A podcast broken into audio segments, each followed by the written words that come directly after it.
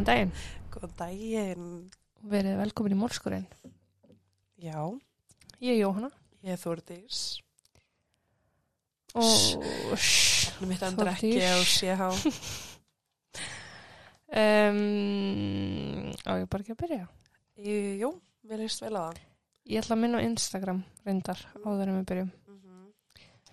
Komið á Instagram og líka hérna í uh, Facebook-grúpun okkar. Umræðuhópin. Umræðahópin. Það er alltaf helling að gera það núna. I like it. Fyrir svona mánuði var bara ég. Já. Þóttst tala við sjálf og sig. síðastlega árið herru, við erum reyndar við erum búin að vera með podcasti í ár Nei, við byrjum ekki átt með. ég var að borga fyrir podbín árskjaldu þannig að það er alveg orðið ár síðan við keftum podbín það er ár síðan við ákvaðum þetta Það er ár, já, það er ár síðan við ákveðum þetta. En það er samt ekki komið árs afmæli. nei, djöfill líður tíminn hratt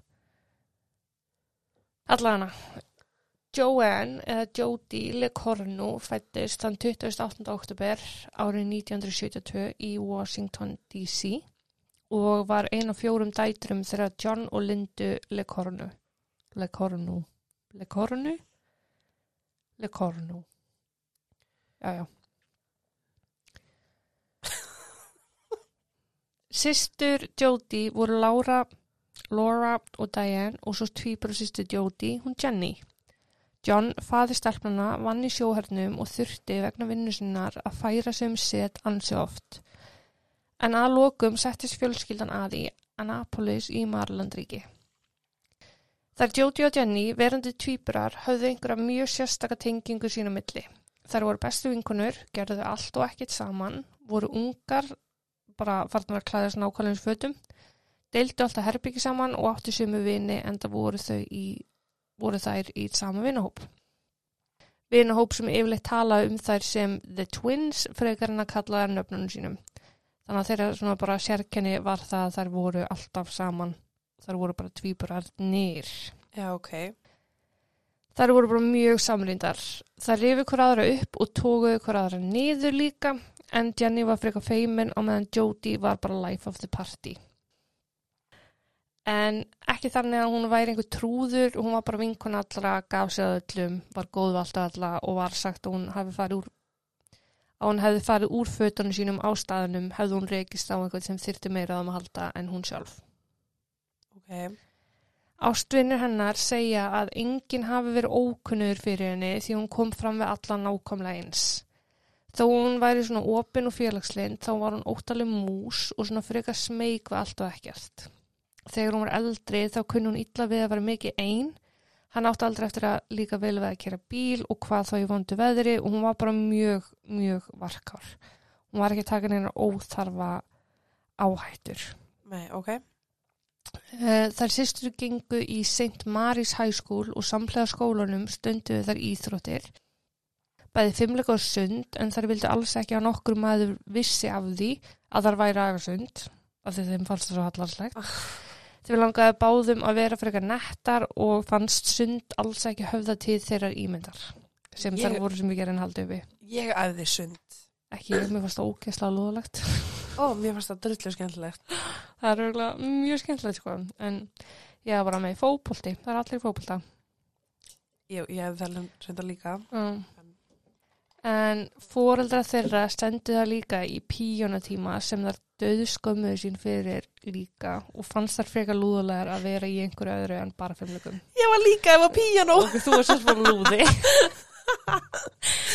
Ég Ó. gat ekki fyrir mitt litla líf æfta eitthvað hljómfæri, hljómfæri hljóðfæri. hljóðfæri sko ok, til að vera alveg hreinskilin að þá uh, var mér þvingað í þetta gegn mínu vilja Já. þetta var ekki eitthvað sem mér langaði að gera það var að æfa piano eina sem ég kannan Já, það er hæfileiki Jóhanna ég kann það en pappi stelpuna hafði unni erfiðisvinni gegnum árin fyrst fyrir sjóherin og svo endað í að vinna sem lögumæður þar sem hann kom að mestu að mjög grófum ofbeldsmálum hafa með sérst fíknefnumál, gróf, ofbildsmál, morðmál og uh, bara allan viðbjöðun sem þér langar svo svakalega starfa við. Ok, maður á mínu skapi. Mm Hann var því svolítið gætn á að fá sér drikk í vinnunni áður en hann kom heim og var þá að koma heim kannski svona freka léttur á því en það ágerði samt mjög hratt. Drekka í vinnunni. Í, Hann Já, er ekki lengur maður á mínu skapi. Nei. en þegar stelpunar voru 11 ára gamlar var pappi þeirra að koma heim úr vinnunni yfirleitt í glasi og byrjaði á því að hella sér meiri í glas um leiðan gekkin. Og þegar ástandi var sem vest var hann farin að læsa sig inn í herbyggi með flöskuna og líka farin að fykta við róandi lif. Ég meina, er það ekki bara svolítið mikið þegar þú ert að vinna við þessa streyti Ég, ég hugsa það sko, alltaf þetta sé ekki bara frekar algengt sko. Ég held það sko. En það er snægt að vera bara eitthvað sálfræð þjónust að samhlega því að vera lögfræðingur og lögmaður fyrir svona, þú veist. Já, algjörlega. En þetta vakti eðla áhyggjur og það var fljótt mjög ljóst að þetta var ekki bara einhvað erfitt tímabil. Hann var bara glíma við alkoholisma og úr varða fjölskyndan hjælt bara krísufund. Þau voru farin að hafa ágjur af því að hann væri bara að drepa svo að drikju og ef að drikkjan myndi ekki gera út af hann þá var það staðrendin að hann kyrði oftar en ekki heim til sín fullur sem var mikið ágjafni líka. Það er algjörst no-no. Já, Eftir einn akineit. Nei, akkurat og það er samt eitthvað fyndið með þetta eftir Já, tvo, ekki svo ekki gera það svo Já, hvað sleppa þér að segja þetta? Já, Fólk er að getur sótt til saka. já, tekið þetta baka en krísufundur var settur þar sem hann var bein, beinlíni skikkaður til að fara í meðferð og vinna í sínum málum sem og hann gerði Ok. Þó að æska stelprana hafi verið mjög góð að mestu leiti þá hafði alkoholismi föðu þeirra litað þeirra líf mjög mikið. Hann hafi vanið sig á að setja mjög mikla pressu á dætur sínar. Eldri systur stelprana höfðu fengið þannig uppeldi að mistök voru bara ekki bóði og svipi pressa sett á Jóti og Jenny. Þar voru báða tvær ungar þegar þær fóru fyrst að fykta við að drekka áfengi og það leiði ekki að lungu þar til að það var nokkuð ljóst að þær voru líka ekkit mjög góður í glasi, eins og pappi Þær voru farnar að skrópa í skólunum til að fara heim og stelast í áfengi föðu síns og síkartnar og voru farnar að valda bara svona fyrir eitthvað miklum usla. Fyndi hvað getur verið mikill mjög. Þegar ég var full í fyrst skiptið þá sendi ég pappa mínum SMS. Ég er full. því gæti ég aldrei frá honum. Ég man ekki eins og hvernig ég var fullið fyrst skipti. sko. Skrópi einum og einum tíma var fljóta því að þær skrópuðu heilu dagana, voru komnar í töluvert eldri félagskap og voru farnar fyrta við fíknefni líka. Ég myndi sjálfsagt klæði pappa minn líka ef ég myndi prófa fíknefni. Fóreldra þeirra gripu inn í og sendu þar á milli sálfræðinga og þegar þær voru 16 og 17 ára gamlar voru þær komnar í hættu á að láta reka sig úr skólunum og komnar bara í frekar mikla áfengis og fíknefni neslu og ákvaðu fóreldri þeirra að senda þær í bara einhvers konar úrræði. Í nokkuð tíma þá hoppuð þær á milli meðfara úrræða einhverja hópa þar sem fóreldra þeirra vonuðist til að þær myndu finna einhverja lust mál sinna en eina sem það gerði var að koma um í kynni við enn verið félagskap en þar hafði verið í. Þetta er sem að maður hefur heyrt áður að fólk fyrir meðferð og kemur oft bara þrefald verri út. Já, algjörlega. Fíknin og neyslan ágerðist því bara meira og þegar fóreldra þeirra höfðu fengið endanlega nóg ákvaðu þau að grípa til rótækra aðgerða. Var þetta fokkin jarðskjöld eða? Nei. Nei, ok. og sendi þær í burtu til lengri tíma í almennlega og viðkenda meðferð í Springfield í Virginíu eftir að þær útskrifust mentaskóla eða hæskól. Ég er með óþól fyrir Virginíu. Virginia. ég segja það svona sjálf, sko. Já. Meðferðin átti eftir að hafa mikil áhrif á þar báðar en skilirðin voru þau að stíja þyrtiðum í sundur til að meðferðin bæri árangur. Einhvað sem þær höfðu bara aldrei nokkuð tíman upplifað. Þær höfðu verið saman bókstala frá upphæfi, frá meðgöngu og þar til þarna en rauk sálfræðingana voru þau að þær kemur ekki til með að geta rifið sig upp úr þessu saman því það væri þær sem væri að hafa slæm áhrif á okkur aðra. Ah. Þannig þær voru ripnur sundur og sendri meðfarúræði sem átti að taka tvö heil ár. Sæll. Já, þær voru tvær saman í meðfyrinni en mátti ekki verið inn samskiptum við hverjara og var allt gert til þess að sjá til þess að þær kæmust ekki að hverjanari. Þannig að þær voru, þú veist, á sömu dild innan gæðislapa en fengu ekki til að herbyggi, mátti ekki samskiptum, þannig að það var alltaf ykkur að passa upp á það að þær væri ekki saman. Já, já, já. Það getur ekki gert neinum gott heldur, sko. Mm, Nei. Ef þú reynir að halda einhverjum í burtu frá einhverjum, Það bara gengur þá gerir það bara aldrei verkum að ná- þau reyna enn meir. Mhm. Jenny stakk af á meðferðinni og strauk heim til sín og var auðvitað bara send aftur en það endaði samt þannig að hún kláraði ekki meðferðina heldur komu fóreldra henni fyrir á bóndabæ þar sem að Jenny átti eftir að blómstra og haldast bara ytrú. Það sama átti því miður ekki um Jóti. Áður en meðferðin hefði klárast hefði Jóti stungið af og komið sér fyrir í Baltimore í Marland. Hún lauk aldrei meðferðinni en náði bata í einhver tíma samt sem aður. Jóti er svo sem á máli fjallar um í dag og því ætlum við bara að tala um hana hérna. Ok. Jóti flytið sem sagt til Baltimore og fyrir háskóla þar, búin að koma undir sér fótunum aftur, orðin edru og búin að sinna mikill í sjálfsvinnu. Hún fyrir Tásend háskólan þar sem hún lærði öldrunafræði. Við námsitt í skólanum kynnist hún Steve nokkrum. Hann var 14 árum eldri en hún og átti eftir að verða kærastan hennar til nokkur ára. Það er gælan sem var ekki send á sveitabæinn. Já. Ok, en hún er sérst komin úr meðferð þarna. Já, hún kláraði ekki með fyrir hún bara beilaði fór til Baltimore. Og fór í skóla. Já. Ok. Já. Það er þannig vel gert. Mm Steve var voðalega góður strákur en hann eins og Jóti átti við áfengisvandamál að stríða og þau saman því ekkert sérstaklega góð blanda. Hann var góð við Jóti og Jóti var góð við hann en saman voru þau bara frekar slæm. Þannig að þetta er ekki einhverju tveir rugglutallar sem eru vondu ykkur aðra og þetta var heilbreytt samband nema áfengið var að skemma.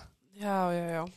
Steve var ekkert á því að hætta að drekka svo Jóti gerði það eina sem henni þótti rétt í stöðinni og byrjaði mjög fljótlega aftur sjálfa að drekka. Þú veist, þegar hún var búin að vera edru Ok. í einhver tíma. Þau voru samt engin djamdýr. Þau voru meira bara í kóju fyllir í heima og voru svona það sem heitir ennsku functional alkoholistar. Já. Þó svo að drikjan væri mikil þá samt syndu þau í sínu daglega lífi mjög vel. Þau mætti til vinnu og allt hannig. Jóti vann sem rítar í banka og syndi náminu sínu samhliða og stóð sér almennt vel í lífinu en var þarna um tvítugt orðin bara mjög blöyt. Bara fyrir að drakka óhóflega mikið Já. í laun. Hanna langaði samt alltaf að hætta að drekka. Hún vissi af sýstusni Jenny sem var norðin blá edru, hafði ekki snert áfengi til lengri tíma og bjó í Kaliforníu og var orðin trúlofuð og leið bara mjög vel. Þær voru sérst alltaf áfram í samskiptum þó svo að þær hafi stíjast annir sundur. Ok. Jóti reyndi margs, konar úrræði en ekkert virkaði og í, og í kjölfarið var hún farin að kljást við mjög erfiðan kvíða og bara hreinlega mjög alvarlega kvíðaröskun en það gengur kannski illa að hætta einhverju þegar maki mann sem er sama vandamál og ekki tilbúin til að hætta. Já. En árið 1996 er Jóti orðin 23 ára gömul. Hún var að loka árinu sinni í háskólanum, vann samhliða ennþá í bankanum og einstakur sinnum sem þjóttna veitingstað. Mestum tíma eitt hún með Steve og sambandi var orðið svona freka þurft út á drikkjunni. Jóti verandi svona freka félagslind þá kunni hún miklu freka við það að fara á bari og skemmtistadi og hitta fólk en Steve kunni bara miklu freka við að vera heima í kóifyllir Þannig að hann var ekki þessi félagsverða sem hún var. Þannig að þar voru þeirra svona tveir heimar að stangast á. Já, já, já. 1996 var hlaupár þannig að þann 29. februar það ár fer Jóti til vinnu og eftir vinnu fer hún á Mount Washington Tavern, Tavern sem var bara bar sem hún var svona nokkuð vun að kíkja á. En það er kannski ágætt að taka það fram strax að það er svona grunur um hún hafi verið eitthvað skotin í eigenda barsins. Ok. Var hann, þú veist, á áttræðsaldri eða? Nei, hann var á söpum aldrei hún. Eitthvað- Tvítugur? Eitthvað aðeins aldrei, já. Ok. Hún er 23 ára þarna uh, 1996. Já, ok, metnaður. En hún allan að fyrir eftir vinnu á þannig bar. Steve hafði verið að vinna eitthvað fram eftir þetta kvöld sem var ástæðan fyrir því að hún fór ekki beint heim eftir vinnu eins og hún var svona frekar vun að gera. Og einhver tíma þetta kvöld ringir hún heim í Steve og upp kemur á millera reyfildi. Steve kunni ekki vel við bari og kunni enn verð við það að Jóti væri á barnum einn og svo er ykkur spurningur um hvort að Jóti hefði lofað Steve því að minka drikkjuna en það fæst ekki almennilega staðfest. Af því að á meðan hann var að sýtla heima þá var hún bara að byrja að djamma. Já, já, já. Hún endar á því að fara heim og þau halda áfram að rífast um þetta en fara svo bara að sofa og allt í góðu. Þegar Jóti vakna daginn eftir fyrir vinnu byður Steve hana um að koma ekki heim eftir vinnu og ætlast til og býst fastlega við því að hún fari bara heim til fóröldar sinna í Annapolis sem var í um 45 mínuna fjallað frá Baltimore. Þarna var hann bara, ok, þetta er ekki alveg að ganga, við erum ekki að sjá eye to eye, við erum ekki sammála um Já, nokkur hluti í lífinu, já, þannig að við skulum bara taka smá pási. já, já. En þann fyrsta mars daginn eftir, eða að þannig morgunin, fer hún til vinnu, klára sinn venjulega vinnudag og eins og daginn áður fer hún á barinn eftir vinnu. Þar hittur hún einhverja vini og skemmtir sér vel og þegar barægandinn kallar að brátt fara að loka gerir sér tilbúin til að kera heim. Hvort það hafi verið heim til Steve eða heim til fóröldar sinna er ekki vitað. Það er ekki vita hvað hún ætlaði sér að gera. Ok, En þegar Jóti er við það að fara, pikkar barægandinn í hana og byður hana um að skuttla einum starfsmanni sínum heim í leiðinni sem hún samþykir ánalsversins. Þessi starfsmæður er hérna bara eitthvað svona húsverður í húsinu.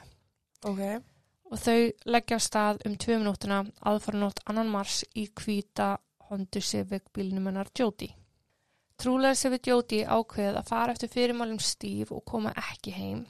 Því eftir hún keiri starfsmannum heim er vitað að hún stoppar hraðbanka, tekur þar út pening og fer út í búð til að kaupa sér meiri bjór.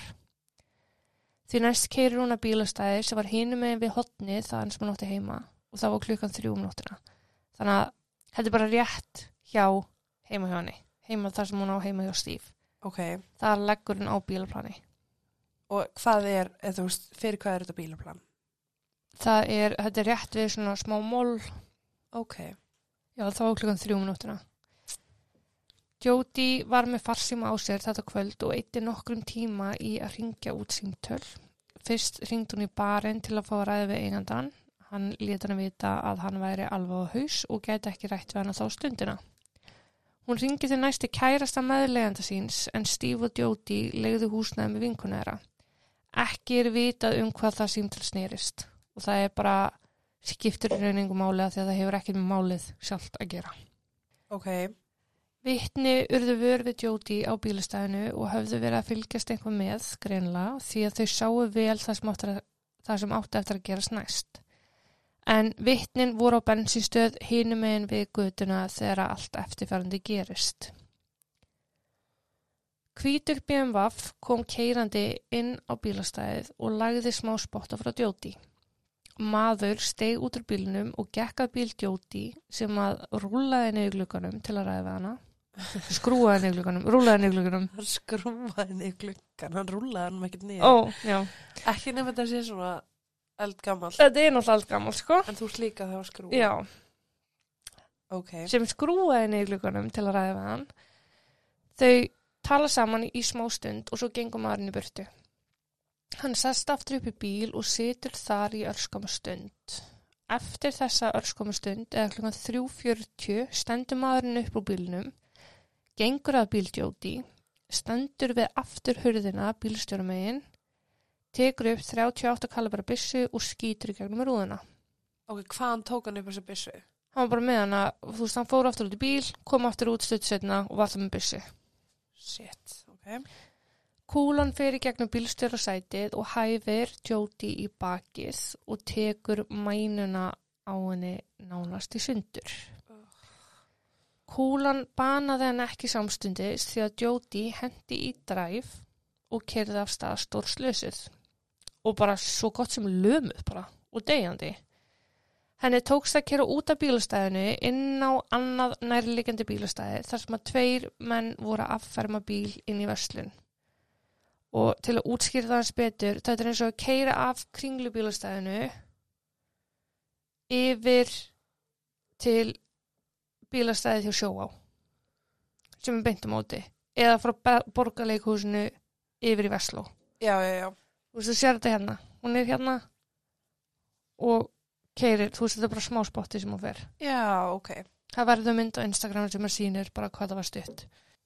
Hvíti BMW-in eldir hana í róleitum þannig að hann skýtur hana lappar aftur út í bílinn hjá sér kveikir á bílinnum og svo bara eldir hann Jóti Jóti nær inn á bílastæðið og endar á kanti þar sem að bílinn stoppar Inn í bílnum var Jóti að deyja á meðan maðurinn á hvíta BMW-inum fyldist með henni og aðtafnaði sig ekki neitt. Fyldist bara með henni deyja. Uh, creep. E, já. Eftir skamma stund stökk hann út í bílnum og hljópaði bíl Jóti. Hann opnaði hurðina, slökti á ljósum bílsins, setti bílinn í park, beigði sig yfir hana og líklega stál af henni farsímanum og veskinu hennar. Svo bara gekk hann róla inn í sinn bíl aftur og kæði byrtu. Ok, hvað með þess að tvo menn sem hann voru að afferma? Þeir ringdi í laurugluna strax og þeir heyrðu skotin. Ok, Þannig að vittin sem voru að afferma bílinn í búðinni ringdu í lauruglu klukkan 3.41. ok. Lauruglan var komin mjög fljótt á staðin en það var strax ljóst að Jóti var látin og nákvæmlega ekkert sem var að hægt að gera fyrir hana. Uh, Um morgunin fengu systur og fóreldra Jóti þær fregnir að hún var látin. Það lá nokkuð ljóst fyrir að Jóti hefði verið myrt en lauruglan var nú samt ekkert að aðtafnu sinni eitt í málunu eins og maður haldið eins og maður hefði haldið að væri eðlilegt í morðmálum. Laurugludeildin sem var með málið á sínu borði var Baltimore síslu lauruglan, sem er Baltimore County Police Department, ekki Baltimore City Police Department. ok, Og ástæðan fyrir því var svo að þetta gerist í útkværi Baltimore og rétt við mörkin. já. Og því nappaði síslu lauruglan málinu. Þeir voru bara, ah, dips, við tökum þetta. Já, Þeir voru voðalega rólega með þetta allt saman, tek það bara fram strax að Steve, kærusnöðunar, var hinsaðar af öllum grunn, bara nána strax. Hann, við komum ekkert málunu. ok. En vittnin gáðu greinagóðu lýsingu á manninum sem þau sáu og þau voru öll sammála um það að útlitt mannsins væri eftirfærandi. Hann var dökkur á hörund, mjög hávöksin og þrekinn og klættur í hermana, grænan, jakka og á hvítum BMW. Og þetta var það sem að vittnin sögðu bara, þau sammældist öllum. Geta, eru, eru það sömu föt og starfsmaðurinn var í sem var að hún var að skvilla heim? Nei. Ok, Það sem að lögreglun hefði átt að gera þessu upplýsingar var að fá teiknara til að koma inn og teikna mynd út frá lýsingunni. En það var ekki gert. Sem er alveg bílun því að vittnin sjá mannin bara mjög vel á mjög vel upplýstu bílastæði. Bílastæði lýst upp með flóðljósum, leikum við. ok.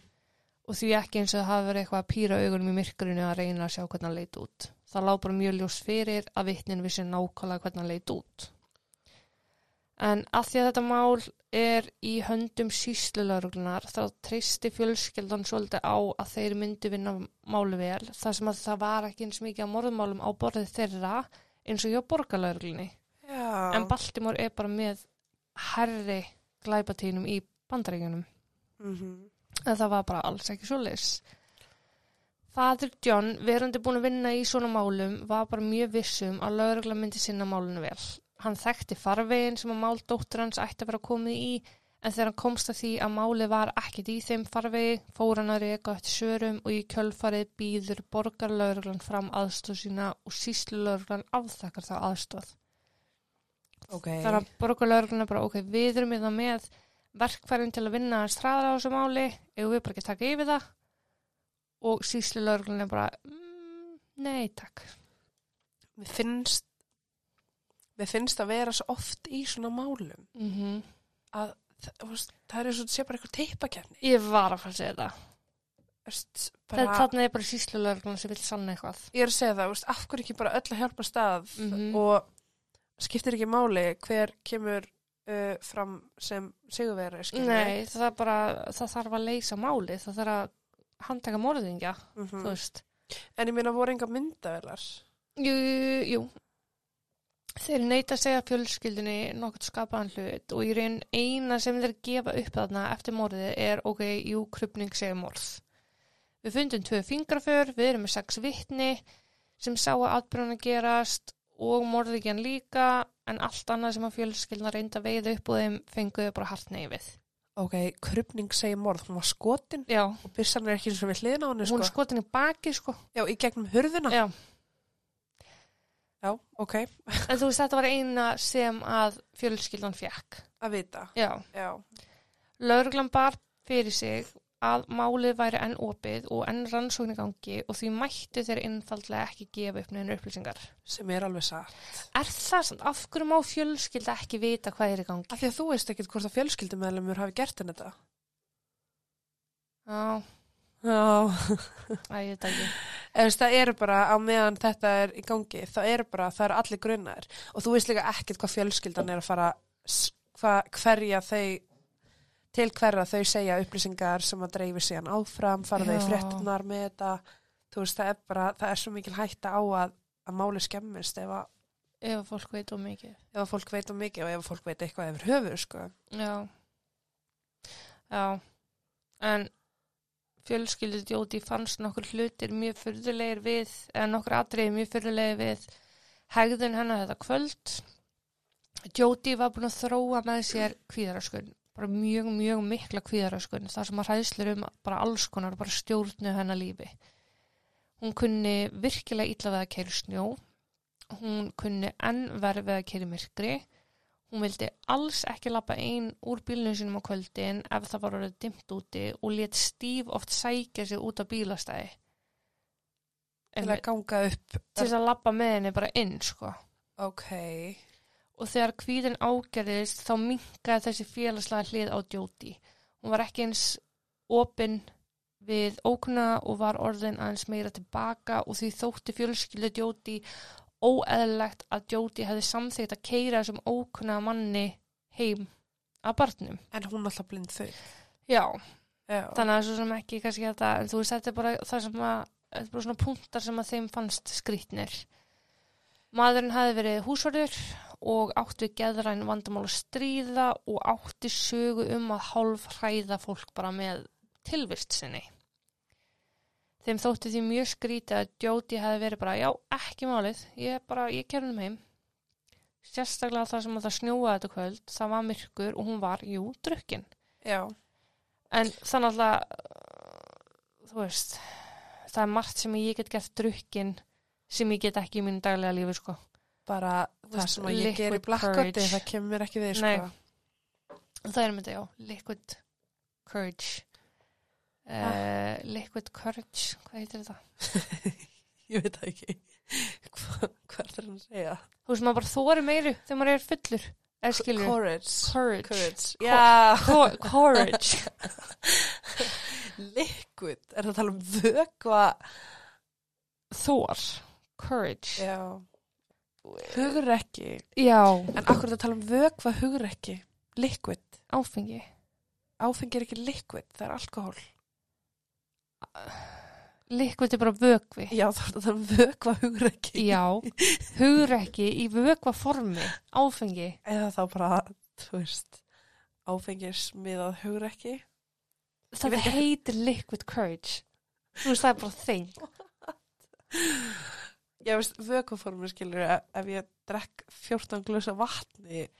Þóldskaren, það er að tala um að liquid courage sé þú drekkur áfengadrykki að því að drykkir er vökvi. Ok. Ok.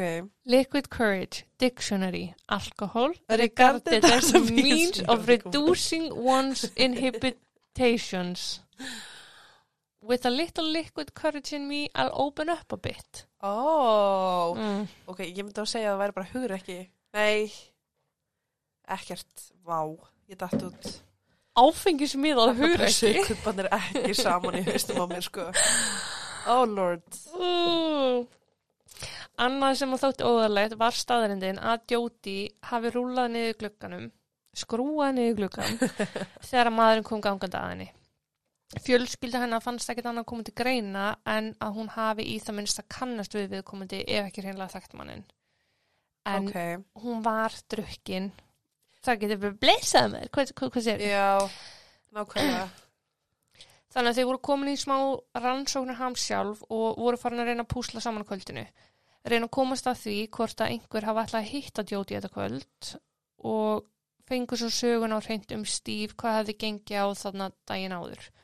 Komast að því að það var allt morandi í myndavölum í kringum morðvættvang og báður lögreglu um að töða það.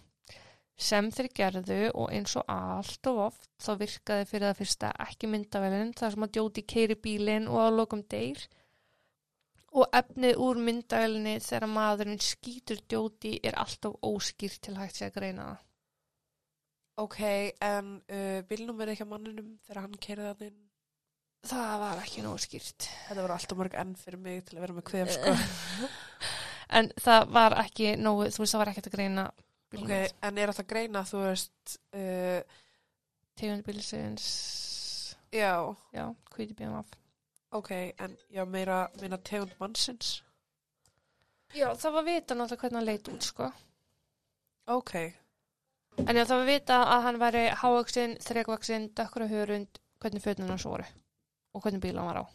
ok, Uh, fjölskyldan grátbað um að hinur þessir yrðu yfirheyrðir en lögreglan var bara nei, nei, það er svo lítil þar á því. já, Þetta var bara morð á handahófi og ekkert við þess að gera. Þetta var bara nýtulina heistak. ok, ef þetta er morða handahófi og hann kemur þarna að henni, ættu við þá ekki frekar að vera hrætt með þetta myndi gerast aftur, Mitt. frekar en ekki að því að er hrættar við morða handahófi, heldur en morð sem að er með eitthvað ákveðið tilumni. Já. Ég er sammála, sko. Ef veist, ég allavega, ef ég heyra því að eigin maður einhvers myndi drepa einhvern, þá er því ekki trætt, en ef einhver random aðili væri Myndi herja á... skjóta ykkur- Ég er að segja það. Þá varum við bara smegur og myndi koma fyrir aftur og aftur og aftur aftur aftur. Já, En lögreglan var bara, þetta bara, shit happens. já, já, ok. Já. Uh, Lauruglan gaf fóreldrum Jóti í bílinn hennar tilbaka mjög fljótlega og máli var bara skýtkalt í kjálfarið og mjög óleitst og engin áhuga hjá lauruglu til að vinna neitt frekar að því. Fjölskyldan reyndi að byggja um öll gögnin til að geta látið engarspæra að taka yfir málinu en lauruglan neitaði því því að máli var opið. Já, Þau báðu um krupningaskýslur og því var, leika, því var líka neitað og að lauruglan hafi gefið þeim sko bílinn tilbaka bókstala morðvettvangin Akkur með að fá morðvettvangin í sínir hendur en ekki krupningaskýslur og laurugluskýslur og lista yfir yfirherða og ég, sko, ég skil lista yfir yfir, yfirheyrða og lörg yfirheyrða og lörglskíslur en krupningaskíslan, ég held að hún segi sér svolítið sjálf, mm -hmm, var skotin og ég held að það sé alveg vita mál. Mm en að gefa henni bílinn tilbaka að þá það er mjög fárulegt en á sama tíma þeir eru þá bara búnir að fara í gegnum allt. Taka öll fingra fyrir framann hvort það sé eitthvað. Já, en það sem ég er að hugsa bara, ok, málið er óleist, ættir þá ekki þá sérstaklega að halda þessu áfram, halda bílnum lengur, Jú, til yfirfara hann aftur og aftur og aftur og aftur. Jú, maður myndi halda það sko.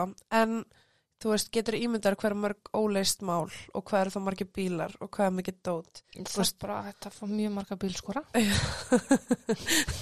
sem að ríkja bara borga Já. fyrir.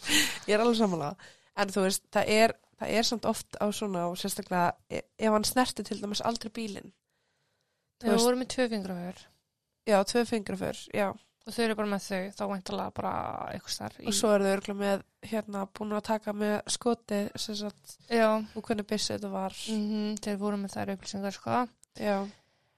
En með batnandi tækni bara með hverju árið, þá hefði, hefði ég samt haldið að lauruglan ætti að halda bílnum. Þetta gerist 1996. Hvað hefðu þeir getað fundið í bílnum í dag sem þeir fundið ekki þá, ef þeir hefðu bara haldið bílnum?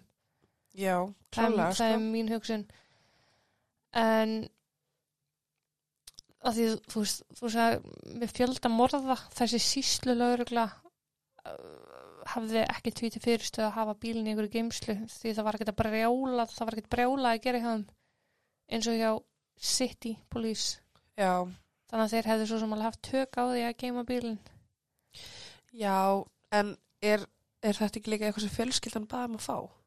Nei, það er bara, herru, bílinn er laus þeim er bara að koma sækjan Ok, En svona líða bara árin John Father Jody er þarna fremstur endalust að hafa sambandi við lögurglu til að reyna að fá svör til að reyna að fá í gegn að fá gögn dóttur sinnar og að reyna að koma við viti í lögurgluna að drullast þess að vinna vinnunni sinna og ekkert gerðist. Rúm tíu ár líða og John pappina deyr. Jenny, tvíbarsýsti Jody, hafði fram á því reynd að halda sér svolítið tilbaka hvað varðaði lögurgluvisnið Hún þekkti auðvitað mál sýstu sinnar fram og tilbaka en hún hefði bara verið gjörsamlega brotin og buguð og af sorg og ekki fundist hún geta aðtapna sér neitt í máli sýstu sinnar en þegar pappina deyr svo þá segist hún hafa fengið einhvern auka kraft. Hún tekur því yfir vinnu fyrir síns. Þannig að ok. hún var bara, kem ekki nála þessu, ég ætla bara að fá að syrkja sýstu mína og ætla ekki að taka, þú veist, ætla ekki að blanda mér inn í allt hitt, bara ég bara geta ekki Já, en svo þarna þegar pappina deyr þá var hann bara ok, ég var það að gera það. Já, og eftir að hún tóku keflinu hafa örlítið fleiri hlutir komið í ljós. Örlítið fleiri. Það hljóma hryllilega vittlust Jæja. fingrafjörin sem að lögreglan sagðist vera með frá upphafi þau stemma ekki með nokkurn mann. Það er bara engin samsvörun samkvæmt þeim.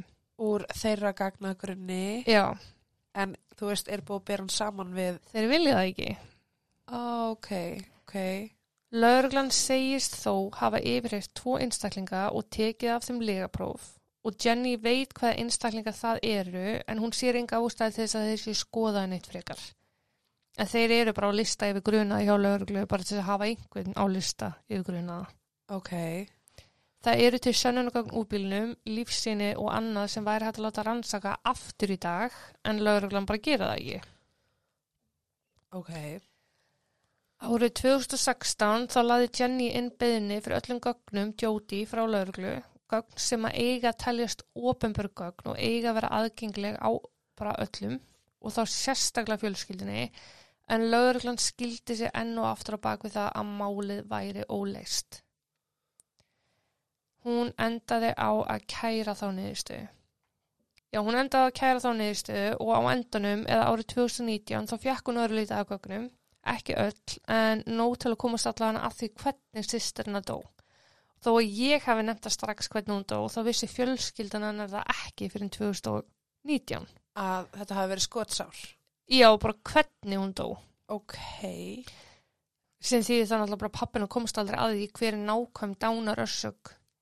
Dóttir hans var. Ah, hversu leiðilegt, Það er umulegt sko. Í kjölfar kærunar þá lofaði lauruglan að þeir myndu aftur byrja að vinna að máli djóti þannig að þeir voru greinlega bara hættið í og enginn að sinna málunu og Guð veit hversu lengi þá. emitt, Já, en samkvæmt lögum í Marland þá má lauruglan halda afturgögnum og upplýsingum en þeim líka frjálst að gefa út upplýsingar að þeir vilja. Þannig Ok. þeir meiga það, þeir geta það en þeir kjósa bara að gera það ekki. ok, Jenny hefur persónulega haft samband við þessar tvo menn sem að lauruglan grunaði um verknæðin og er sannfærð um að þeir hafa ekki komið nátt þessu. Hún heimsóti annan þeirra í fangilsi og marg talaði við hann í síma. Hinn grunaði mannum sendi hún Facebook skilabóð og er bara að gera allt í sínu valdi til að reyna að leysa mór sýsturnar. Hún er, hún er alveg bara búin að fara svolítið yfir um, sko. ok, þetta er ástæðan fyrir Já. að fólk fær ekki afhendgögn, þetta er einmitt ástæðan af því að þú, þú veist, ferð in real life já, og þú ferð að senda einmitt og þú getur eigðilegt rannsóknarhagsmunni, mhm. rannsóknarhagsmunni, sko, Jenny hefur farið svolítið langt í Austuríki sko, en pappina gerði það ekki. Þannig að þessi tíu ár sem hann var að lífa eftir morðið þá var hann með alla þú veist uh, hann hafði auðvitað að geta veist, hann, hann var lögmaður, hann þekki kerfi hann veit hvað hann var skildu til að gera og hvað ekki skilju. Hann hafði kannski bara orðið að gagni. En Jenny þarna, hún er bara já, svolítið gróf í sinni rannsók já, um, og já, fer oftar en einu svona oftar en tveis að lágt í Austuríki sko.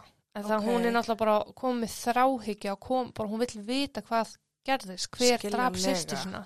Já, Hún bjóð til sinna eigin tipplæn, símanúmer fyrir fólk að ringja í ef einhver er með einhver upplýsingar af því að lögreglan vil ekki gera neitt í málunu. ok, þannig að hún svaraði sérst bara og tók á móti, Já. ok, Og sko síðan 1996 er sami rannsóknar lögreglumadurinn búin að vera með málið. Það finnst mér skrítið. Við finnst að það mætti bara eins og með fórseta, skipta fjóra ára fresti. ég veist bara, sorry, ef þú ert ekki búin að, taka, ekki búin að takast þetta á tíu árum, sko, Mhm. að þá áttu bara að fara og færa þig yfir í eitthvað annar mál. Mm Nákvæmlega. Jenny er búin að fara til ríkistjóra Marlands og grátbeðja um að þessi rannsóknulögreglumæður sé listu frá málunu svo einhver annar geti tekið við því og reynt aftur upp á nýtt en það hefur ekki verið neitt grundvöldu fyrir því að leysa hann frá málunu.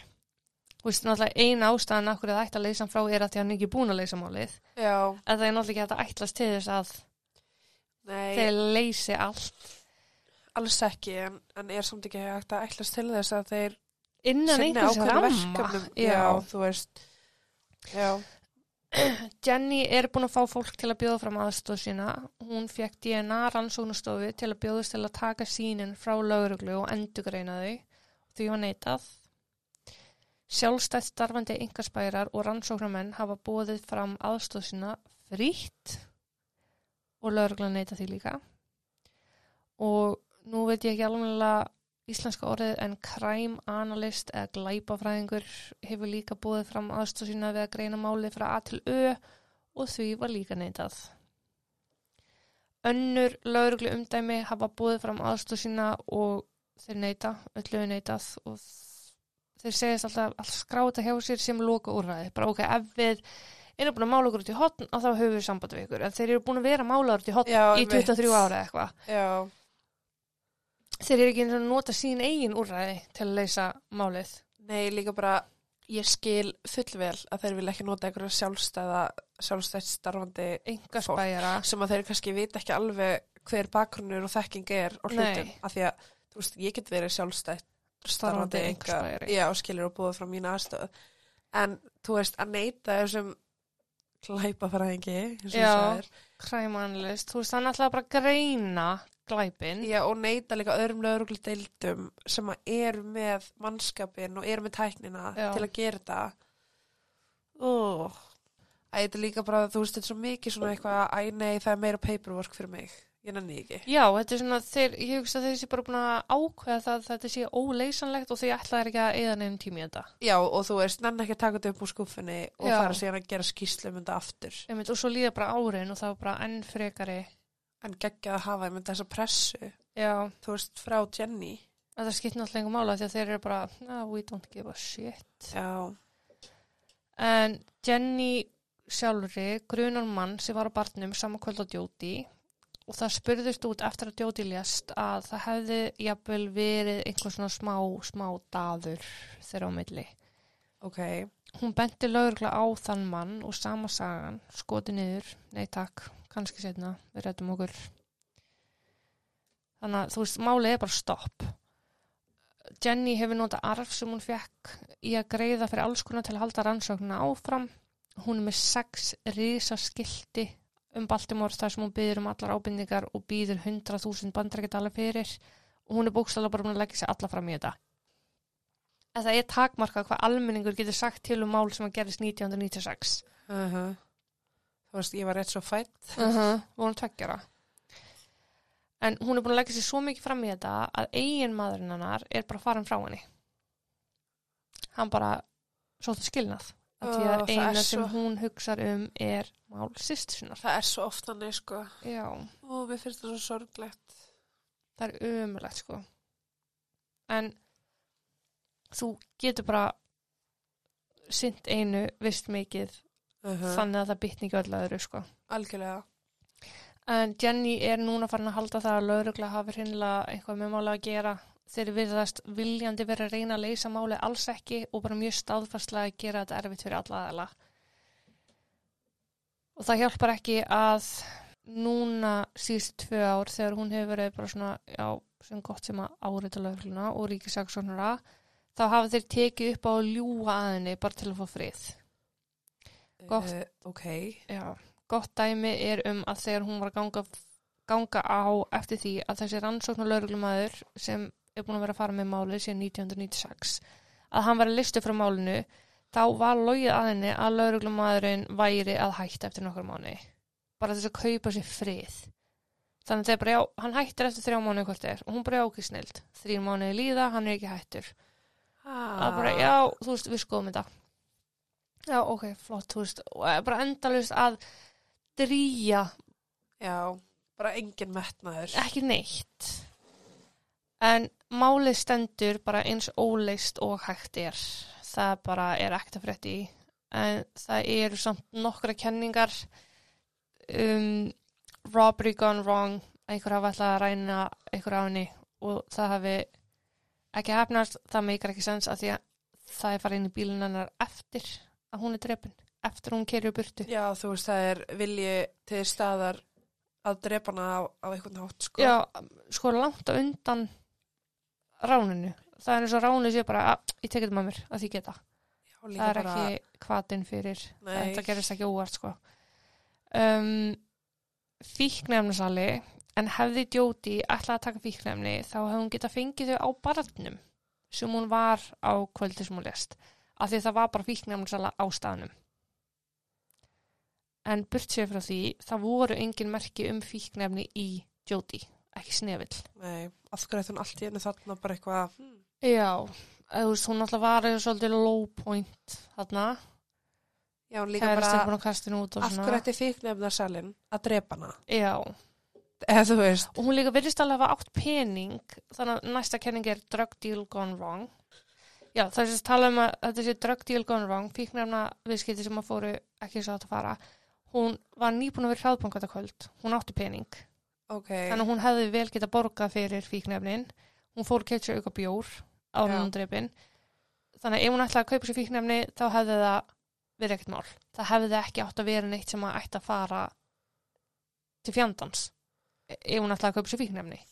en, en svo er mitt, þú veist, ok, hvað ef að uh, hún þekkti hana gæja? Og þessi gæji panikaði bara að því hún bara eitthvað, herði, ok, ég vil ekkert að hún fara að segja allir að ég sé sali. Já, það getur verið. En ég einhvern veginn, þú veist, ef þú ert annar bara að vinna sér fíknefnilsali þá lítur að gera það grein fyrir því að þú gætir hitt á fólk sem að sem þú þekkir. Já, líklegast. En aðrar kenningar er að einhver tengdi lauruglunni skautana, að lauruglumæður skautana og það er svona sé laurugluna hafa sér svona. En það sem að mér finnst líklegast er að lauruglan veit hver viðkomandi er en þeir geta ekki aðtapna sig í málinu að því að viðkomandi starfar á laun fyrir laurugluna. Er uppljóstari fyrir lauruglu. Og hann sé og verðmætur lauruglu til að hann sé ákjæri fyrir morð. Já. Að það er þeim verðmætra að hann sé ennþá á gödunu að gera sína hluti heldur en að hann sé handtekinn fyrir morð og hendin í fangilsi. Ok, það meikar alveg sens. Mm Og þetta hefur svona komið sí endur tekið upp að því að uh, það er svo sem er engin rök annað en bara að þetta meika sens. Það veit engin hver viðkomandi er. Það er ekkit orð á götinu sem segir hver viðkomandi er. Þeir, hver, þú veist, þeir eru ekki aðtapnir sig að raskat í málun einhvern veginn. Nei, og þeir eru líka ekki mennina afsökun, þú veist, Nei, þeir eru bara, þetta er bara svona. já. Þannig að, og, Vil ég ekki gefa út gögn sem að, þú sé nú það allar afsakanar í bókinu, sko. já, mér finnst það meika, mér finnst það meika meira sens heldur en ef þetta er lauruglumæður, af því að þú vilt ekki hafa spilt að lauruglu í þinni deil. Nei.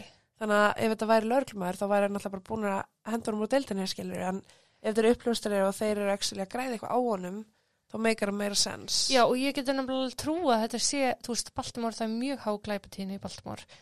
Þannig að þetta er svona, ok, ég trúi því alveg að einhver, einhver uppljósnari, uppljóstrari gæti verið þeim bara brjálaslega verðmætur og sé bara að leysa miklu fleiri glæpi Já, og það vegur þingra en þetta morð í þeirra hugum. Ég er ekki að segja að það sko. gera fyrir okkur já, en ég, ég get alveg skilja hann hugsunahátt sko ef að þeir eru með, ef, að, veist, ef þetta er satt en ég meina eins og með hérna bar eigandan, sem að hún var gert hann var skotin í bara á barnum það var alveg ljóst og hann var uh, ljósa hörund.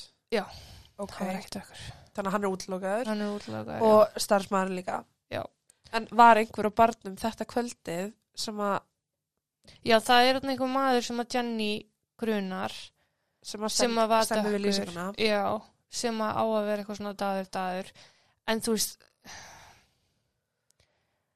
alveg, mér finnst pínu erfitt að taka marka á öllu því sem hún segir að því hún er orðin svona alveg bara, hún er farin að taugum sko, þú veist, Já. hún vill svo innilega leysa málsist sinnar og hún er bara margt af þessu sem hún er að segja, þá er maður bara æ, elskuleg, já, nú hún, þarftu að fara að leggja þetta til þegar sko. Já, komin það langt að hún sér auðvitað bara einhvern hvítan einstakling, hún er bara þegar þetta er hans Já, Þú og hún er er ekki lengur að lesa í sannogögnin sem er Nei, hún er bara, þú veist, þetta er eiginlega bara, ok, geti þess að drepa hana, geti þess að drepa hana, oh my god, geti þess að drepa hana. Þú veist, þetta verður náttúrulega bara svona þráhyggja og árátta og, þú veist, trúlega skættu við ekki sofið á nætunar ef við varum í sér stöðu, sko. Nei, en mér, þú veist, að því ég hugsa svo mikið um, að það var eitthvað barnum sem hún var að tísa eða eitthvað, Mm þú veist, og þetta sé þá reyði, að því að uppljóstarari, hvað græðir hann á því að fara að drepa hana? Hann gæti hafa veist, er verið sami einstaklingurinn og á barnum. Já, þú veist, það er, sko, það sem ég er að meina er, veist, hva, hver er rökin að baki þessu? mm Og ef þú gerir þetta einu svona kjærst upp með það, uh, og þetta er bara eitthvað svona sem að veitur honum mikla ánægju, af hverju er hann ekki búin að gera þetta aftur? Ég hugsa sko að upplústrar séu bara ef að það tengir skengjum eða einhver svo leist að þetta séu kannski menn sem eru með svolítið vafasama vafasama Fortíð? fortíð og bakgrunn og hafa sjálfsattrepið áður. Já, fleiri en einn og fleiri en tvo. En ég minna, án þess að það sé eitthvað drápskvöld heldur meira að það sé bara eitthvað sem að þarf að gerast. Já, en ég minna hún, af hverju ættu það að þurfa að gerast? ég veit það ekki Nei, við vitum svo sem ekki og ég hugsa að fjölskyldan vitur ekki almennilega hvað gekk á í hennar lífi áður en allt kom upp sko nei, og það eru alveg margir hlutir sem að er kannski ekki, ekki búin að koma upp á yfirborðið, ég minna Mm, fyrst að já. lögskíslan lokuð, þú eru alveg fullt af hlutum. getur vel verið að lögreglan viti bara hluti sem það kæri sér ekkert um að, lög- að fjölskyldan hennar fá að vita sko. Já, en ég meina, þetta er ef að- þetta er lítið sérst, Nei, Baltimore er rísa stórt sko. Ok, en eins og til dæmis með því að taka skothylkið mm -hmm. eða kúluna og Mhm. bera saman við sérst hvernig vopn þetta var, er ekkert að ganga það langt og bara, þú veist, fara eitthvað gagnagrunn og bara sjá hverjir eiga sérst þessa tegund. Já, en það er það sem að stiður svolítið þetta með að þetta sé snitts eða upplustrari að því að að, lögreglan vill ekki að því gera að það. lögreglan er ekki búin að gera eða þú veist, þeir vita bara ok, þetta var 38 kalibra byssa og það er bara þannig er það. Já, Þess vegna það stiður allt þessa kenningu já, að þetta sé upplustrari sem að lögreglan vill stiður og stiður ekki skilju já, já, já, nei, algjörlega. En já, ég hugsa að það sé ekkert meira við þetta að bæta. Við getum rætt þetta fram og tilbaka. Já, ég, ég get alveg bara að raugra Já. mig næstu tímálega, sko. En já, þetta var svo leys. Enn og aftur, minn á Instagram og umræðahópun okkar á Facebook. Það er grínlust, við erum búin að vera mjög aktiv, þú meira, á ég, umræðahópnum á Facebook. já, algjörlega. Já, herru, takk Þannig fyrir að- mig í dag. Já, Takk og bless. takk og blæð.